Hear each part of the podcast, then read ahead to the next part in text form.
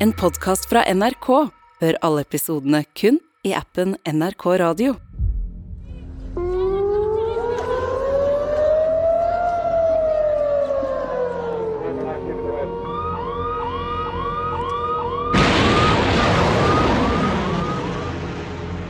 I snart to måneder har verden vært vitne til den blodigste krigen i Gazas moderne historie. Med Hamas og Israel på hver sin side. Israel is intensifying its offensive to destroy Hamas and remove it from power in Gaza. Her gravlegges noen av krigens små ofre.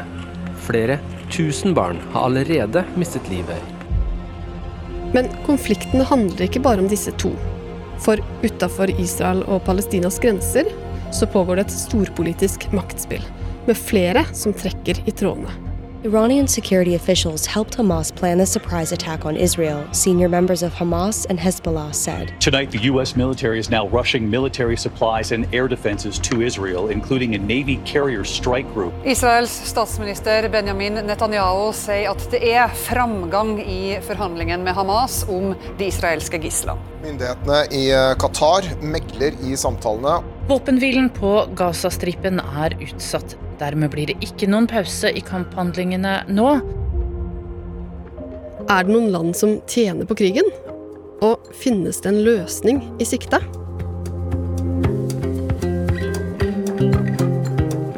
Du hører på Oppdatert. Jeg heter Ina Swann.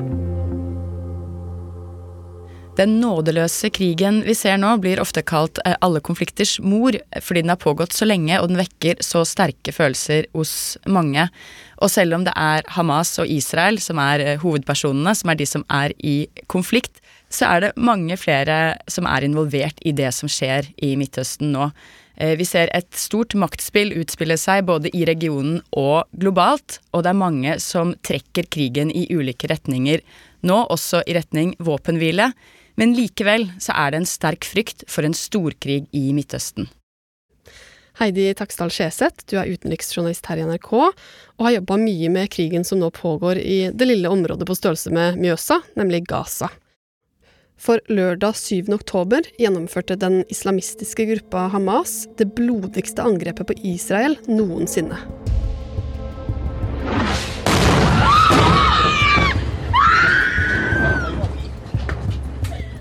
Joe, Laura, good morning. Israelis woke up today to find their worst nightmares had come true in the form of a massive surprise attack by Palestinian militants from Gaza. Det er skutt flere tusen raketter inn mot Israel, raketter som da har slått ned i flere av grensebyene, som Ashkelon og Esderot. Der er også sivile skutt og drept av militante palestinere. I Israel ble sinnet satt i kok, og landet nølte ikke med å svare hardt tilbake.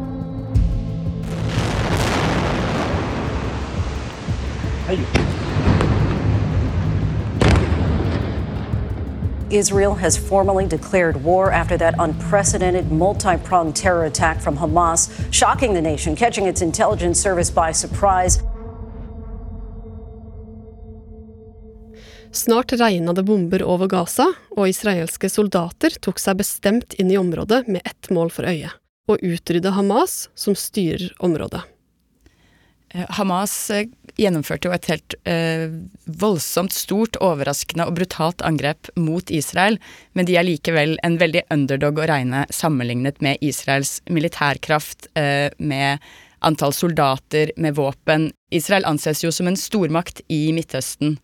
Og Hamas var sånn sett sjanseløse til å vinne en krig mot Israel, og det visste de.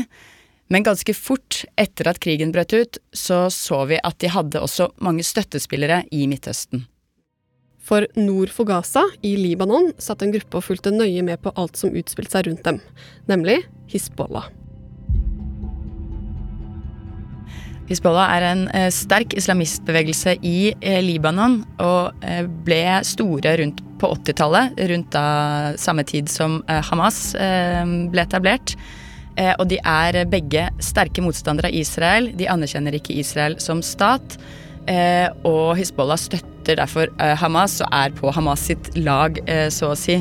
De har i likhet med Hamas både en eh, politisk gren, en militær gren, eh, men de er eh, mye større og omtales ofte som storebroren til Hamas, eller den profesjonelle utgaven av Hamas.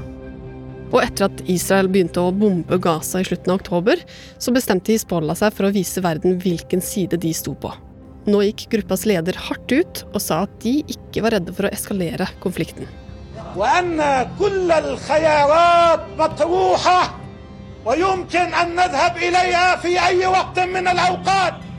The Hezbollah leader did warn that a possibility of all-out war was, in his words, realistic. Dette gjorde mange, både i Libanon og Israel, redde for at krigen skulle spre seg dit. Eh, flere mistet jo livet på begge sider, og de har vært i krig før. Men de voldsomme angrepene fra Hizbollah uteble. Det ble kanskje en mer symbolsk støtte eh, til Hamas og palestinerne.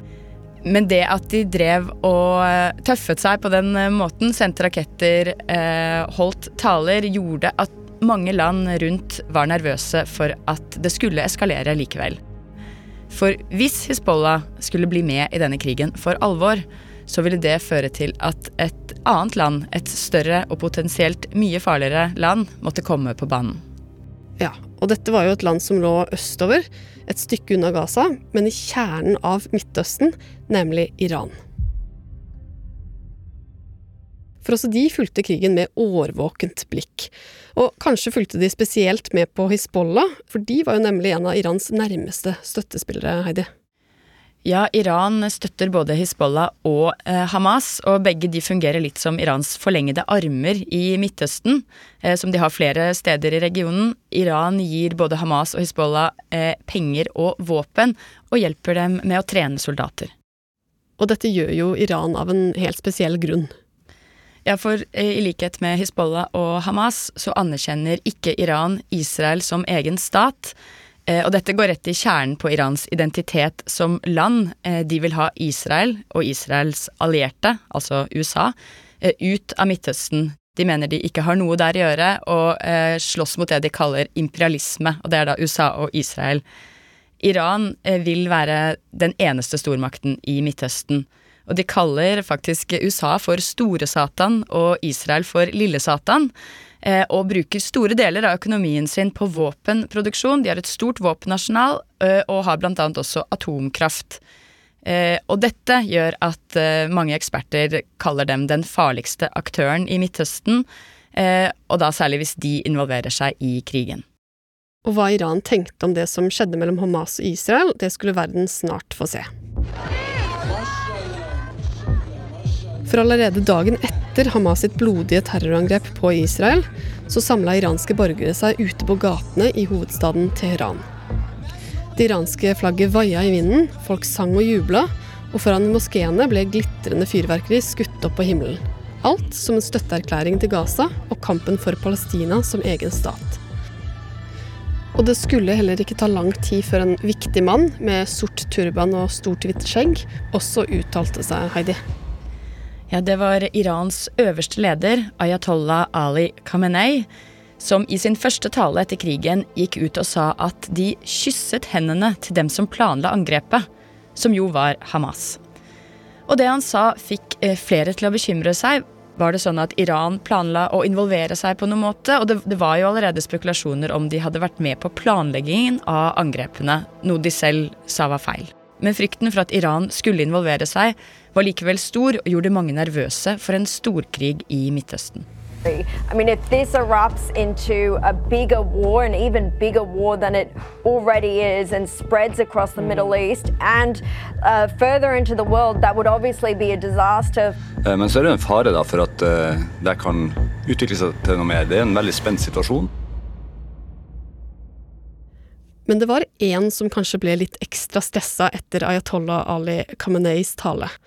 For like etterpå tok en mektig mann opp telefonen og ringte til Irans leder. Nemlig prinsen og statsministeren av Saudi-Arabia, Mohammed bin Salman.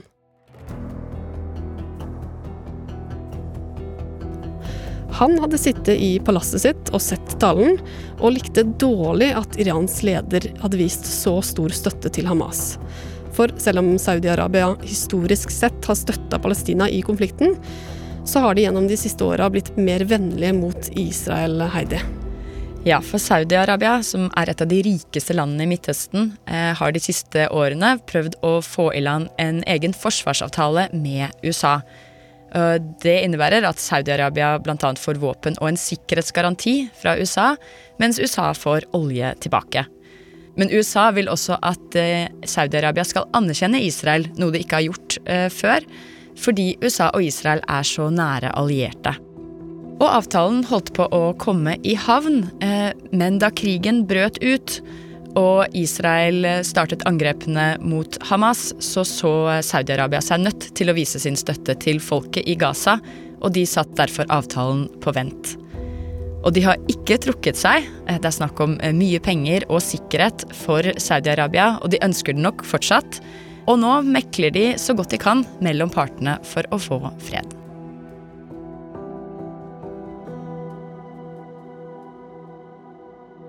I løpet av krigens første dager hadde altså Hamas fått støtte fra både Hizbollah i nord og Iran i øst, mens Saudi-Arabia jobba hardt for å dempe konflikten i krigen. Men det var ikke bare Saudi-Arabia som ønska å holde ting i sjakk i Midtøsten. Også landet Qatar ville ha ro, de hadde lenge hatt et godt forhold til begge sider, Hamas sin politiske ledelse bodde til og med der, og nå ønsket de at krigen skulle ta slutt. Så nå gikk de inn for å være en slags megler, der både Israel og Hamas og andre land kunne møtes for dialog. Given that they're kind of insecure about their position, a lot of times they've tried to build relations with a number of different parties all across the region. And they've also seen it as very helpful to be able to play this mediating role. Flere land hadde altså sine grunner til å blande seg inn i denne krigen, men for ett land så var det kanskje mer akutt. Ja, Egypt. For utenom Israel er det bare én vei ut av Gaza, og det er gjennom Rafa, grenseovergangen, inn i Egypt. Og eh, som eneste landet som grenser til Gaza utenom Israel, så har også Egypt eh, blokkert veien ut. Og ganske raskt etter at krigen brøt ut, så havnet Egypt i en stor diplomatisk skvis. Det var midt i oktober, krigen hadde vart et par dager, og Israel hadde innført total blokade av Gaza. Over to millioner mennesker var innesperra på området, og snart skulle innbyggerne i Gaza få en hastebeskjed. Fra den klare, blå himmelen regna det plutselig masse papirlapper. Det var flygeblader fra Israel som i jakten på Hamas ga innbyggerne en tydelig beskjed. Kom dere bort fra byen, dere har 24 timer på dere før vi begynner å bombe.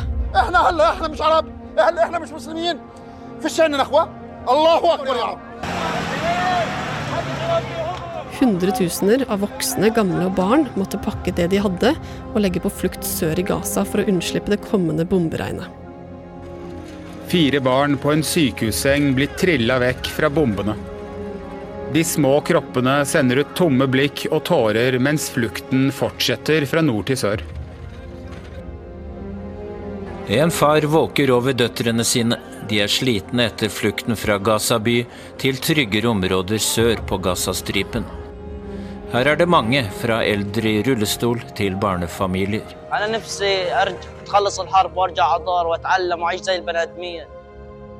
Det internasjonale samfunnet fordømte det som skjedde, og nå begynte de å legge sterkt press på at Egypt måtte åpne opp sin side av Gaza for å redde menneskelivene som sto i fare. Men Egypt, de nekta Heidi. Ja, og grunnen til at de hadde blokkert grensa til Gaza, er ganske sammensatt. Eh, Egypt fryktet at hvis de åpnet grensen, eh, ville det komme en stor og ukontrollert flyktningstrøm inn i landet, og at også Hamas eh, ville bli med på kjøpet. Og at Egypt selv da skulle bli et mål for krig og terror. Og historisk sett så har Egypt støttet Palestina, men de har også inngått en fredsavtale med Israel så nå sto de i en skvis. De sa derfor nei til å åpne grensa, og deler av grenseovergangen ble jo også bombet av Israel. Eh, men etter hvert fikk de likevel inn noen lastebiler med bl.a. mat, vann og medisiner eh, til de sivile i Gaza. Så de inntok eh, en mer meglerrolle i konflikten. Men presset på Egypt, det fortsatte. For det satt jo bl.a. tusenvis av utenlandske borgere i Gaza som var desperate etter å komme seg ut. Til tross for internasjonalt press har Egypt nektet å åpne grensen. There are hundreds of people there, foreign nationals, people who have foreign passports, as well as uh, family in uh, the Gaza Strip waiting to get across that border. I'm like really in fear. Every place I go, I go run away and I just find bombs and I find dead people. And like maybe one day I'll end up like them, but it's a really scary thing for me. Men etter nesten én måned med krig, så skulle det skje noe. For en dag gikk en egyptisk grensevakt bort til inngangsporten mellom Egypt og Gaza, åpnet og begynte å slippe noen utenlandske statsborgere ut. Noen porter er viktigere enn andre. I morges ble grenseovergangen mellom Egypt og Gaza åpnet. En gruppe mennesker med utenlandsk pass kom seg ut av Gaza, ifølge nyhetsbyrået AP. Ambulanser i kø på egyptisk side fikk endelig kjøre inn i Gaza for å evakuere utvalgte, hardt skadde palestinere. I morgen står 51 norske borgere på lista over de som får evakuere. Gjensynsgleden var enorm på Oslo lufthavn lørdag kveld da 80 norske borgere kom hjem fra Gaza via Egypt. Der er det én følelse som har rådet. Ordet redd er, kan ikke beskrive situasjonen. Ja. Har det noen ord på norsk som kan man uttrykke mer enn redd? Frykt, eller ikke bare redd. Men selv om flere land i Midtøsten hadde jobba på spreng for å finne en løsning på krigen, så var det også én stormakt fra en helt annen del av verden som for lengst hadde kommet på banen. For utafor kysten av Egypt hadde verdens største krigsskip kasta anker. U.S. is sending military assets closer to Israel, including one of the Navy's most advanced aircraft carriers. The U.S. military is on heightened alert for activity by Iran backed groups as regional tensions soar during the Israel Hamas war. Så fort eh, krigen brøt ut, sendte USA verdens største krigsskip innover i Middelhavet. Vi så jo det her i Norge i sommer. Det var på besøk i Oslofjorden. Det er et enormt skip og fungerer i praksis som en flyttbar flybase og huser flere hundre krigsfly, og det er flere tusen som jobber der. Så det er et voldsomt maskineri. Og når dette skipet kom seilende inn, eh, var det med en tydelig beskjed fra USA om at de fulgte godt med på hva som skjedde, og at land som Iran og deres grupper i regionen, som USA ikke har et godt forhold til, måtte skygge banen. Israel has come to us and asked for some specific additional assistance. I'm sure you'll hear more about that probably later today. And we're responding to that, and we have the ability to do that. For selv om krigen ble diskutert i land over hele verden, så var det få av dem som faktisk hadde reell makt til å kunne påvirke det som skjedde i Midtøsten. Men her var jo USA et unntak. Ja, og USA holder jo en svært beskyttende hånd eh, over Israel, og har gjort det lenge. Det er nesten en naturlov i USA at Israel er landets nære allierte. Eh, og sånn har det vært siden Israel ble til i 1948, og enda sterkere de siste 30-40 årene. USA har støttet Israel militært, diplomatisk og økonomisk. Israel fungerer jo også litt som USAs øre i Midtøsten, og de to landene identifiserer seg veldig med hverandre, sier flere eksperter. Og for USA nå var det ingen tvil. Hamas-angrepet var ren ondskap, og Israel må ha full rett til å forsvare seg. Og det med USA i ryggen hvis det ble nødvendig. Let there be no doubt. The United States has Israel's back. We will make sure the Jewish and democratic state of Israel can defend itself today, tomorrow, as we always have. It's as simple as that. I FNs sikkerhetsråd var USA soleklare. De beskytta Israel og stemte flere ganger mot våpenhvile i Gaza. Sadly, this resolution, he said, did not pass. Uh, the United States used its veto. This is uh, seen by many here as a failure of the UN security to fulfill its mandate to uh, ensure peace and security across the world. Hamas' stated purpose for existing is the destruction of the state of Israel and the murder of Jewish people. Hamas does not represent the Palestinian people. Hamas uses Palestinian civilians as human shields and innocent Palestinian families are suffering greatly because of them. Med støtte fra USA så fortsatte Israel med det de mente var et nødvendig forsvar, å bombe Gaza for å utrydde Hamas. Samtidig mista også stadig flere sivile barn og voksne livet. Og etter hvert så så det ut til at USAs holdning til denne krigen begynte å endre seg litt, Heidi. Ja, etter noen uker med krig så endret USA eh, tonen mot Israel eh, litt etter litt. Blant annet så sa president Joe Biden tydelig til Israel om at de ikke burde bombe et sykehus i Gaza. Og det var flere politikere som tok eh, til orde, eh, ganske forsiktig, men likevel, eh, om at palestinerne fikk for liten støtte. Og Visepresident Kamala Harris hun gikk også ut og sa at palestinske liv var viktig å beskytte.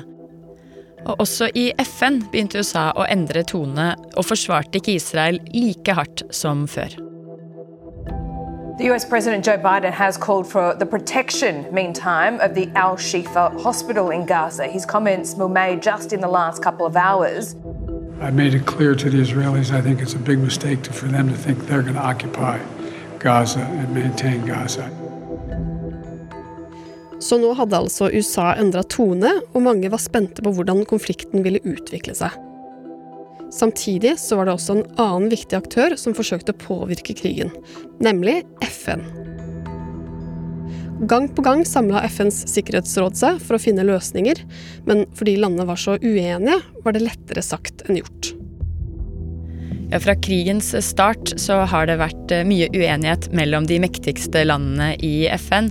De sliter med å bli enige, de sliter med å få bestemt eh, noe, og det hele blir kalt et politisk teater.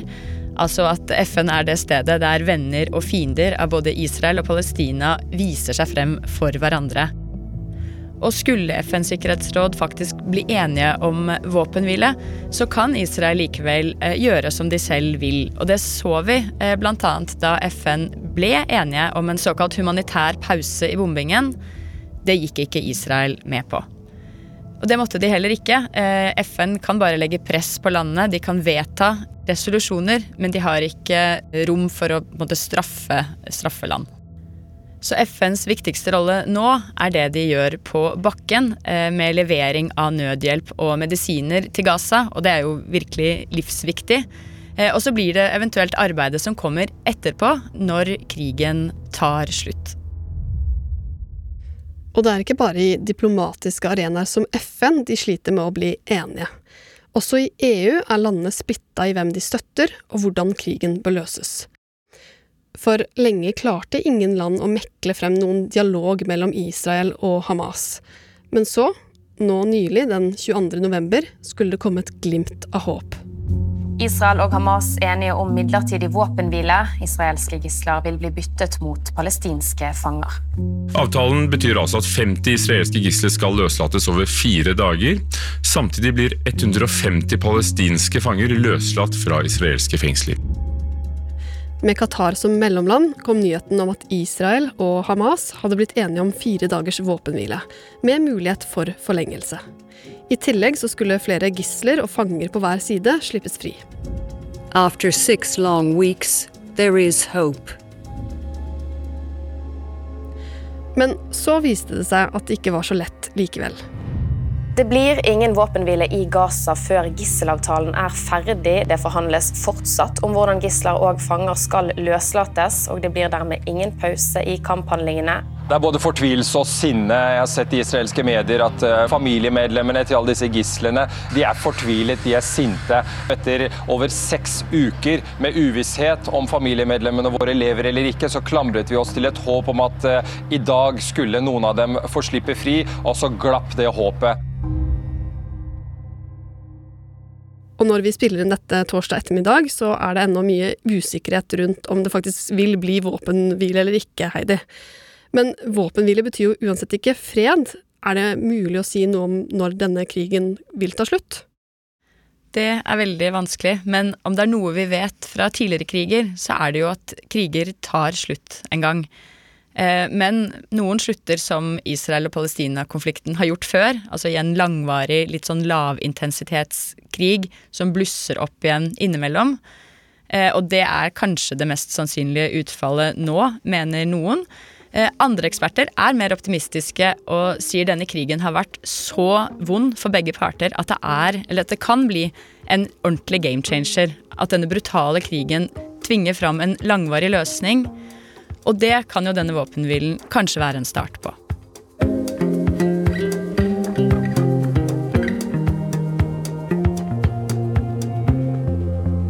Oppdatert er en podkast fra NRK Nyheter. Og denne episoden er laga av oss, produsent Tiril Mattisdatter Solvang. Lyddesigner Daniel Løberg. Espen Bjørlo Mellem. Vaktsjef Irina Kjelle. Og programleder var meg, Ina Svaan. Programredaktør er meg, Knut Magnus Berge. Klippene du har hørt, er fra BBC, AP, Reuters, Wall Street Journal, NBC News, CBC News, NewsHour, France 24, ABC News, CNN, The Telegraph, Forbes, Sky News og NRK. Og har du tips eller innspill, send oss gjerne en melding i NRK radioappen, eller send oss en e-post på oppdatert krøllalfa nrk.no. En podkast fra NRK. Hei og hjertelig velkommen til Skiklubben. Ikke klag over at det er kaldt og mørkt, men heller utnytte mulighetene som vinteren gir oss. Det skal handle om lidenskapen til langrenn og trening. Det er kjempedeilig å komme seg ut i naturen på ski. Det er en herlig måte å forflytte seg på. Anders Aukland, Silje Nordnes og jeg, Emil Gukild, vil sammen med dere pushe fremover mot nye mål. Ja, og Det som er så gøy med langrenn, det er en veldig sånn sammensatt idrett. da. Vi er glad i langrenn. Konkurranse eller kos, vi vil at du skal bli enda gladere i å gå på ski. Hør Skiklubben i appen NRK Radio.